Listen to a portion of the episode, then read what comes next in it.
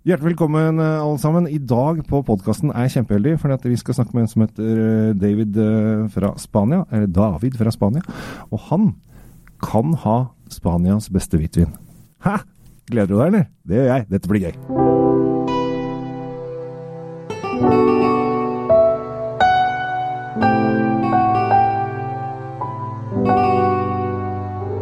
Hei, velkommen. I dag så har jeg fått besøk i studio uh, hele veien fra Spania. Welcome, David. David? Thank David. you. Yeah, David. David. That- that's the right pronunciation. Yeah. So Uh, you're from Spain and uh, you're in Norway to promote your wines. that's it. That's correct. Yeah, and you have some good wines. Ah, well, I do. Yeah. Yeah. Well, I want to. I know your feedback. yeah, yeah. Uh, tell you a little bit about your wineries and stuff. Well, we're gonna present you two different wineries. We're gonna present you Ossian, which is located in in Castilla Leon. Uh, the main asset of this winery is that we work with a lot of prephylloxeric vines of Verdejo. Yeah, we have to talk a little bit about this phylloxera thing because yeah. I then I have to say it in Norway because uh, every time when people hear about phylloxera, they just what's that? Men det er ganske enkelt. Det er en lus som kom til vinmarkene på 1800-tallet, som gjorde at alt, stort sett alle vinmarkene døde ut. Uh, dette er pre-phylloxera, vil si at de har vinmarker som er, har overlevd denne vinlusen og lever i dag. Did you understand that? No. No, it was correct, of course. no, I just said that uh, pre- Prephylloxera is uh, areas without the, the lice. Yeah, Yeah, yeah. The basically. thing, the thing is, well, that that insect was imported in, in, into Europe by accident, and uh, probably people is wondering why we have prephylloxeric vineyards when it almost destroyed the whole vines in, in Europe, and and the reason is that phylloxera was uh, attacking the roots of the vine. It was doing uh, tunnels in the soil, Yeah. but uh, we've got a sandy soil. Yeah. So phylloxera couldn't survive. Ah. So that's why we've got uh, vines up to 200 years old. But uh, honestly, it's like they're planted on the beach. Yeah. And that, that's the reason why we keep such a old uh, vines in, in our area. Yeah. So we wanna uh, with this project we, we wanna we wanna express uh, the true verdejo, the truly verdejo, which is still planted on its roots. Yeah. So this is, uh, you can call it sandy wines from Spain.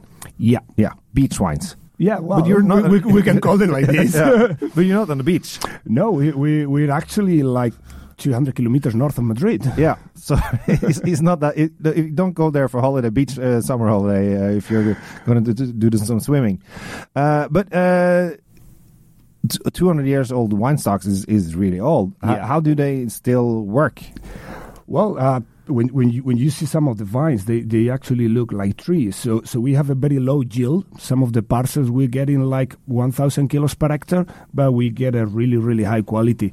But with this type of vines, it means a lot of a lot of work. Yeah. For the harvesting time, you, you actually uh, all the vines are planted on vast, yeah. so you actually uh, need to, to get on your knees to, to, to pick at the bunches, and uh, it's a it's a very it's a very warm area. Yeah. So we, we need to, to keep a, a, a very big canopy to, to try to protect the bunches. So you really need to, to get into the vine and and move and move the leaves to be able to find to find the bunches. But uh, you will tell me now the, the quality that you that you get out of those of, of those vines is just out of this world. So if if if people uh, Norwegians driving by your winery uh, don't they don't see rows and rows with wine ranks? No, they will see yes uh, vines because they they don't let's say they don't follow any line because No. the people was just planting them around and and actually a, a funny thing you know the the the the the wine business in centuries ago it was a, a big part of uh, the income for monks Yeah. and most of these vines were planted by monks. There, Ah. was, there was nearby there was a monastery, and actually we we keep uh, we've got some papers Yeah. saying uh, the exact day that some of the vines were planted because you know that monks used to write everything they're down. right on everything. Yeah. And we, we have some papers uh, for some parcels, and we know the day that they were planted. Okay. And how far back can you? Uh, I think the oldest that we exactly know the day is 180 years old. Okay. But how how old can a, a wine bush of this type type be? Do they die out? Uh, well, they could, but stop producing? yeah, they, uh, they will lose a lot, but We don't know. We will keep uh, taking care of them. Yeah. if we come for, for some more centuries. yeah. So there's an old, old, old, uh, old winery house. Like they're they're really old uh, people that you have to take care of. Uh, Yeah, yeah, Be careful and. Uh, Well, uh, w- when you when you are uh, working with vines, you need to be looking after them like you you you getting with an oldie or with a baby. Yeah. Should we start drinking wine? I'm getting thirsty while uh, looking well, at me me too. Uh, the first uh, first one is the yeah, it's uh, it's called Quinta Luna. Yeah. uh, we're gonna try the vintage uh, 2018. yeah And uh, as I said, it's a hundred percent verdejo. For Yeah. that for that wine, uh, we use around sixty percent of prephylloxeric vines. Then we use uh, forty percent of young vines because this is uh, our freshest expression. yeah And and then it ages uh, during between eight nine months in in large cask. Yeah. We use two thousand six hundred liters and three thousand two hundred. So so uh, I believe you have tried verdejo before. Mhm. Usually, Verdejo is um, a wine that is very aromatic, yeah but most of the times it's just because wineries are adding commercial yeast, so you get a lot of tropical aromas. But if you see this one is not a s- is not explosion of, of aromas, it's something more delicate, it's something more elegant, and what we are really looking for is uh, for uh, more complexity. We're looking for more texture and more structure. because a a lot of Spanish white wines are uh, acidity, it's uh, citrus, it's uh, summery, it's uh, Boring. uh, yeah, but this one is, is more more of a. Um, it's not that the summer the freshness, but it is more like a little bit of buttery of the Yeah, probably of the cask maybe. Yeah, we, we we keep it with its own lease. Uh, we we do a regular batonnage. Yeah. So uh, the way we vinificate the wines in Ossian is very similar to white Burgundy Yeah, because we want to have a, a gastronomical verdejo. We, Yeah. we want a wine that, that you can perfectly pair it with a lot of types of food. yeah. And I'm just thinking on a nice uh, Norwegian salmon, for instance. Yeah, I think it will work. Uh, but it's it's cool. Uh, like when when you, as a Spanish wine, using that kind of grape, uh, say, or it's not just you saying it. A lot of people saying it that this is the Spanish Burgundy, Yeah. uh, and Burgundy is probably the most known wine producing white wine producing area in the world. Well, at least the most prestigious, Yeah. uh, for sure. Yeah. So uh, this is this is really cool. Yeah, well, for us, for us it's an honor that the, that the people thinks that. Yeah, but how how do you think? thi- Why why do you think this old grape that is uh, almost two hundred years old uh, can be is like uh, is like uh, pretending to be not a Chardonnay, but it, it, No, it's- we- we're actually not pretending uh, to be a Chardonnay. It's, it's a Verdejo grape, and and also, uh, if if you look at the front label, Sal, you don't see Verdejo anywhere. Mm. Why? Because uh, Verdejo doesn't have a really good image in Spain nowadays because people associate Verdejo with uh, with a cheap wine. Yeah. So we know that many uh, people who is a big fan of Verdejo, if they try our Quinta Luna or they try our Ossian, they might be disappointed because it is not what they expect. No. They expect something, say, acidity, fresh, really easy drinking, and this is not like that. Yeah. So we indicate Verdejo on the back label, but we, we want to sell the wine because of Ossian. We already have a, a nice name and, and people trust on, on what we do, to be honest, and, and we, we thank you for that. yeah. This costs two hundred and twenty nine Norwegian kroner, so it's a it's a middle range priced. Yeah, Yeah. What's the price in Spain if you want to buy I- there? On a retailer, you can find it for 14, 15 euros, Yeah, which is, I think, uh, for that quality, I think it's, I think this is really good. I think it's a perfect value. Yeah. Let's go to the wine that somebody say is the best white wine in Spain. I appreciate Oh. myself. I'm looking forward to this one. I, t- I, I have tasted it before, but uh, this is really really cool.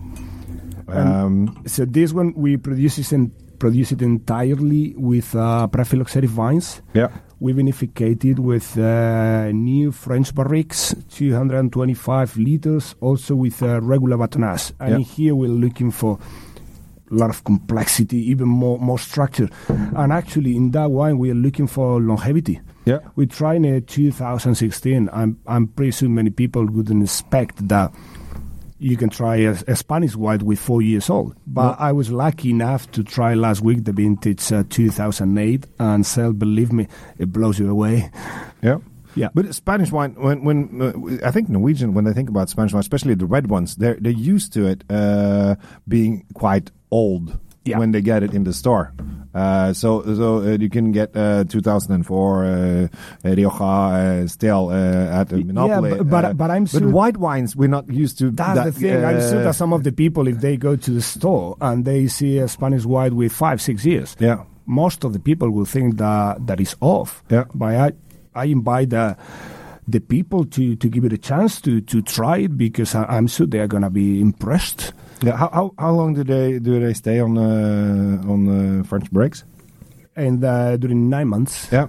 yeah, So the freshest one that you can you, you can get it the year after if, if it's if you work really hard. yeah. Yeah. But uh, it's better after four years. You keep it in the cellar for, for three years then? Uh, no, no, no. We, we keep it around for around a year after it's bottled.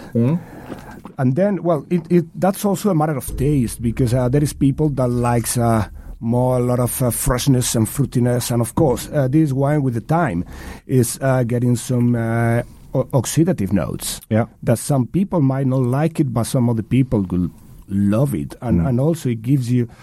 Uh, a lot of chances in terms of uh, food and wine pairing. Yeah. Is is it when I when I taste it now? Is is creamy? Is buttery? Is round? Is has some acidity, but not much. But feel uh, you, you, like the whole mouth is surrounded by the Yeah. taste of the wine, And it has and it stays forever. That's what I was about to say, and and also uh, a recommendation for that wine. Uh, usually, people uh, tends to drink white wines too cold. Yeah. and especially for a wine like this, we recommend to serve it uh, at red wine temperature around 16 degrees. Ah. Why? If you cool it down a lot, you're missing the complexity. And actually, uh, at the winery, we have a restaurant, and uh, we like to play with people. We usually pair it with red meat Yeah. because you have, Oh. as, as you said, it has enough structure to be able to handle red meat. Yeah. And you know, when when you go into a, to a restaurant and and a sommelier is coming to you, I like to get surprised. Yeah. So I don't I don't like to go for the easy combinations. So I think this is a wine that can give you uh, a lot of chances to to impress people, to surprise people. I, I when I tasted this the first time a couple of weeks ago, uh, maybe a month, I tasted it to uh, Peking duck, the Chinese crispy duck. All right. And How did it go? It was amazing. That was like it was a wow thing. All right. Uh, cool. that and the Capitel, the the Big Brother. I tasted both of them to the to the Peking duck, and I I think it's one of the best uh, wine pairings I ever had. well, thank you for So that. I. I, I talked to my friend of mine that uh, has uh, this Chinese restaurant in Oslo called uh, the Taste of, Chi- Taste of China. Uh, Mhm. They have splendid Peking duck there, and uh, I said, "Do you have to try this?" And uh, he's really curious and trying out to this Peking duck. well, I'm gonna be for another two days in Oslo. I might have to you have to drop by, drop by, and uh, talk to Tommy. Uh, but I, I think I, I, when I got it and my uh, and when I got it to the Peking duck, uh, because of the hoisin sauce, it's a little bit sweet, and uh, the duck is is a little bit fat, Mhm. and the fat and the sweetness and this wine. I was really, really good. I'm I was getting- I'm laughing. getting hungry, Yeah. so Yeah. so uh, if you didn't know, uh, you should try it paired with Uh, uh, Peking duck. And then uh, China is a good uh, good market for you, for they eat a lot of Peking duck over there. Yeah, well, I, I, I would recommend them to try Yeah. with this dish. Yeah. Next time I'm, o- I'm over there. All Chinese restaurants should have this on the list with Peking duck because I think it's uh, uh, amazing. But we, we've got a problem. We, we don't have so much volume. No, we have to just Be- sell to Norway. Yeah, because for instance, for the for the first wine for Quinta Luna, Yeah. uh, we are producing uh, be more than one hundred thousand bottles. Yeah. And uh, for Ossian, we do around 60,000 because, as I said, the yield is, is really low. We are constantly uh, trying to, to get new parcels, Yeah. but there are no so many luxury vineyards. But No, and it, you can if you replant it now, it takes 160 years before you can get the same result. yeah, and I'm pretty sure I'm not going to see it. No, never know. Good times. Uh, but you have uh, red wine as well with you today. Yeah, uh, well, as Pago de Carraovejas, uh, which is actually the mother company, I'm gonna uh, tell you a few things about the history of, of that wine. Yeah. So in the in the late 70s, our president Jose Maria, uh, he went to Italy. He he won the sommelier competition in Spain. He went to, to Italy to represent Spain, and he had in mind to open his own place in Segovia. Uh, his uh, restaurant nowadays is probably one of the most famous not to, to, not say the most famous for the suckling pig in Spain, and he has wanted to have a good house red for his for to pair it with a with a suckling pig. Yeah. So he, he went to uh, Ribera del Duero. He Yeah. went to the to the village of Peñafiel, and he started buying uh, his first seven hectares because he was told that the slope of the Arroyo Botijas, Yeah. small river, uh, it was the best place to maturate uh, grapes in Ribera del Duero. Yeah. Nowadays, we've got around 200 hectares Mm. uh, in that slope, Yeah. and it's a it's a very famous wine in Spain. We've got a massive demand. Thank God, we we sell the wine uh, through through allocation. Yeah. And uh, we've got a production of around 600,000 uh, bottles in Spain. And we estimate that we might be able to sell only in Spain three times the production. Oi. Yeah. So it's a based of uh, Tempranillo. Well, couple of things about Ribera del Duero. To Tempranillo is the main grape that we have there. Yeah. Uh, we have a clone uh, which is called Tinto Fino. We get smaller berries with more concentration. So as you can see, the wine is very with a very deep color, Yes. with very intense aromas. And then we blend it with uh, a bit of Cabernet Sauvignon Yeah. and a hint of Merlot.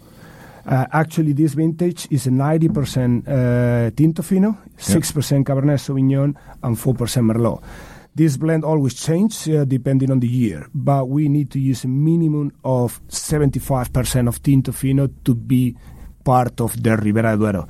I I, I love Ribera del Duero. It's, it's my favorite And you uh, know, s- I- area. So I love red wines from Ribera del Duero.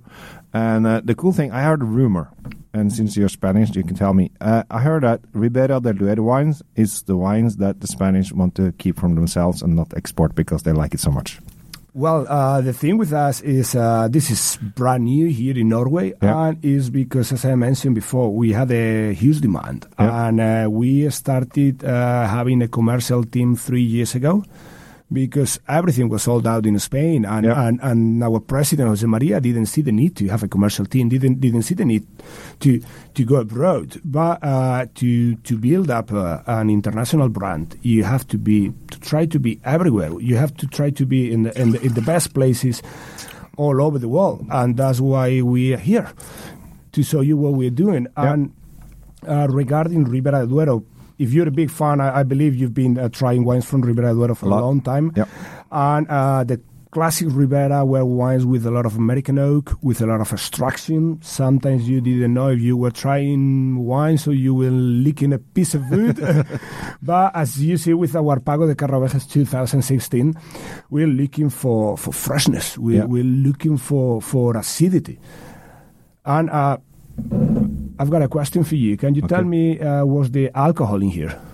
Uh, that's why you turned the bottle. Yeah. Uh, uh, I think it's um, if if I, I I I think it's high because of the the it's, it's a sunny area and 16 was a really hot year, so I think it's high uh, out of that. But when I taste it, if you ask me to, That's why I'm what- asking yeah, uh, it sh- shouldn't be more than 13, 13 and a half, but I think at least it's 15, 15 and a half, maybe 16. Yeah, it's it's be more than fifteen, and that's uh, because well, I don't know if I should call it climatic change, but Yeah. we know that something is going on. Yeah. Uh, because we've got uh, weather stations at the, at the property, and uh, we've seen that in the last 20 years, the average uh, temperature has increased on around 2 degrees. Yeah, That's a lot. yeah, And uh, you know that most of the vineyards are uh, planted south facing. yeah, If you will plant a vineyard on a north on a north slope, people will think that you're crazy. But nowadays we have to do it. Yeah. So we're buying a lot of a lot of uh, parcels in north-facing slopes to be able to balance this alcohol, to be able to get uh, more acidity, to Yeah. be able to get more freshness. And Because keep down the alcohol as well. yeah, because otherwise uh, the wine will taste too flat, too big, too too boring. Yeah. So we're working now on being able to to add more freshness and more acidity because uh, that increase of temperatures is gonna keep going. Yeah. So we need to try to to find a solution for that on a natural way. But I think uh, you still have the hot days and the cool summers, so you can still work. Yeah, well, actually, in Ribera Duero, we have cool nights when yeah hot we, days, cool yeah we, we have cold winters. I'm, I'm pretty sure people is gonna laugh because I'm saying that we have cold winters in Spain when Yeah. we are in Norway. Yeah. But we do we easily get to minus ten, minus fifteen. Yeah. But as you said, the key for our, for our climate is that, for instance, in September when I go to the winery in the morning, Yeah. uh, we've got eight degrees, so you have to go with a scarf. So at noon, when you get out to go and grab some lunch, you've got 35 degrees and you melt. Yeah. That's really good for the development of the grapes, but uh, on the other hand, it's You're always having a cold because a cough because you're it's, it's cold in the morning and uh, yeah, and in the morning So you don't know like what to wear. con- the air conditioning problem. uh, don't have put on the air conditioner, you get sick. And and actually, uh, it's a bit risky because we can get frost in, in spring. Yeah. For instance, the last vintage, 2017, was a disaster. The Yeah. last week of April, we had two nights with more than six hours below minus 10. Yeah, The vines were starting to bad. yeah, Some of them stopped the process, some of them rebad. So we lost around 35% of the production Mm. just to be able to, to maintain the quality. So uh, the climatic conditions of Ribera Duero uh, give us the chance to be able to produce really fine wines, but we're never sure what's going to happen until we have every single grape in the winery. no, it's true. Uh, what do you think about the future for these wines? Uh, And since we've been a little bit into the the, the temperature wise and um, Well, we're working to, to handle tho- those changes. So Yeah. we are going to put all our efforts. We are going to keep on tasting, keep on trying. Also, uh, we are a winery that is always trying to, to, to look for advice from, from people from some other areas in Spain, some other, other areas in the world, because you know you have to be talking to others because people is trying new things to try to to handle those those changes because this is something that is happening for everyone not not just for us in, in Ribera del Duero so I'm sure we're gonna keep on working hard to be able to offer you the best possible wines cool. But uh, like Spanish wines earlier were uh, like older. You have the older in the basement, older in the cask. Now it's is it more freshness you're after? Yeah, you want to give the wines out still young. Like the Ribero is for 2016. As typical Spanish wine should be nine years before you get it in the store. yeah but, but you know for example in Spain cell we like uh, the fruit, Yeah. the fresh fruit, we like to feel the tannins. I, Yeah. I remember being doing a, a tasting in Spain with a 09 vintage, and people was telling me that, that the wine was flat. Yeah. The week after, I was going somewhere else in Europe uh, doing a tasting with the same vintage, and people was telling me, "Oh, David, this is way too young." so that's that's a matter of taste. Yeah. And but for sure, But do you think the Spanish taste are developing? Not that many old wines that it used to be.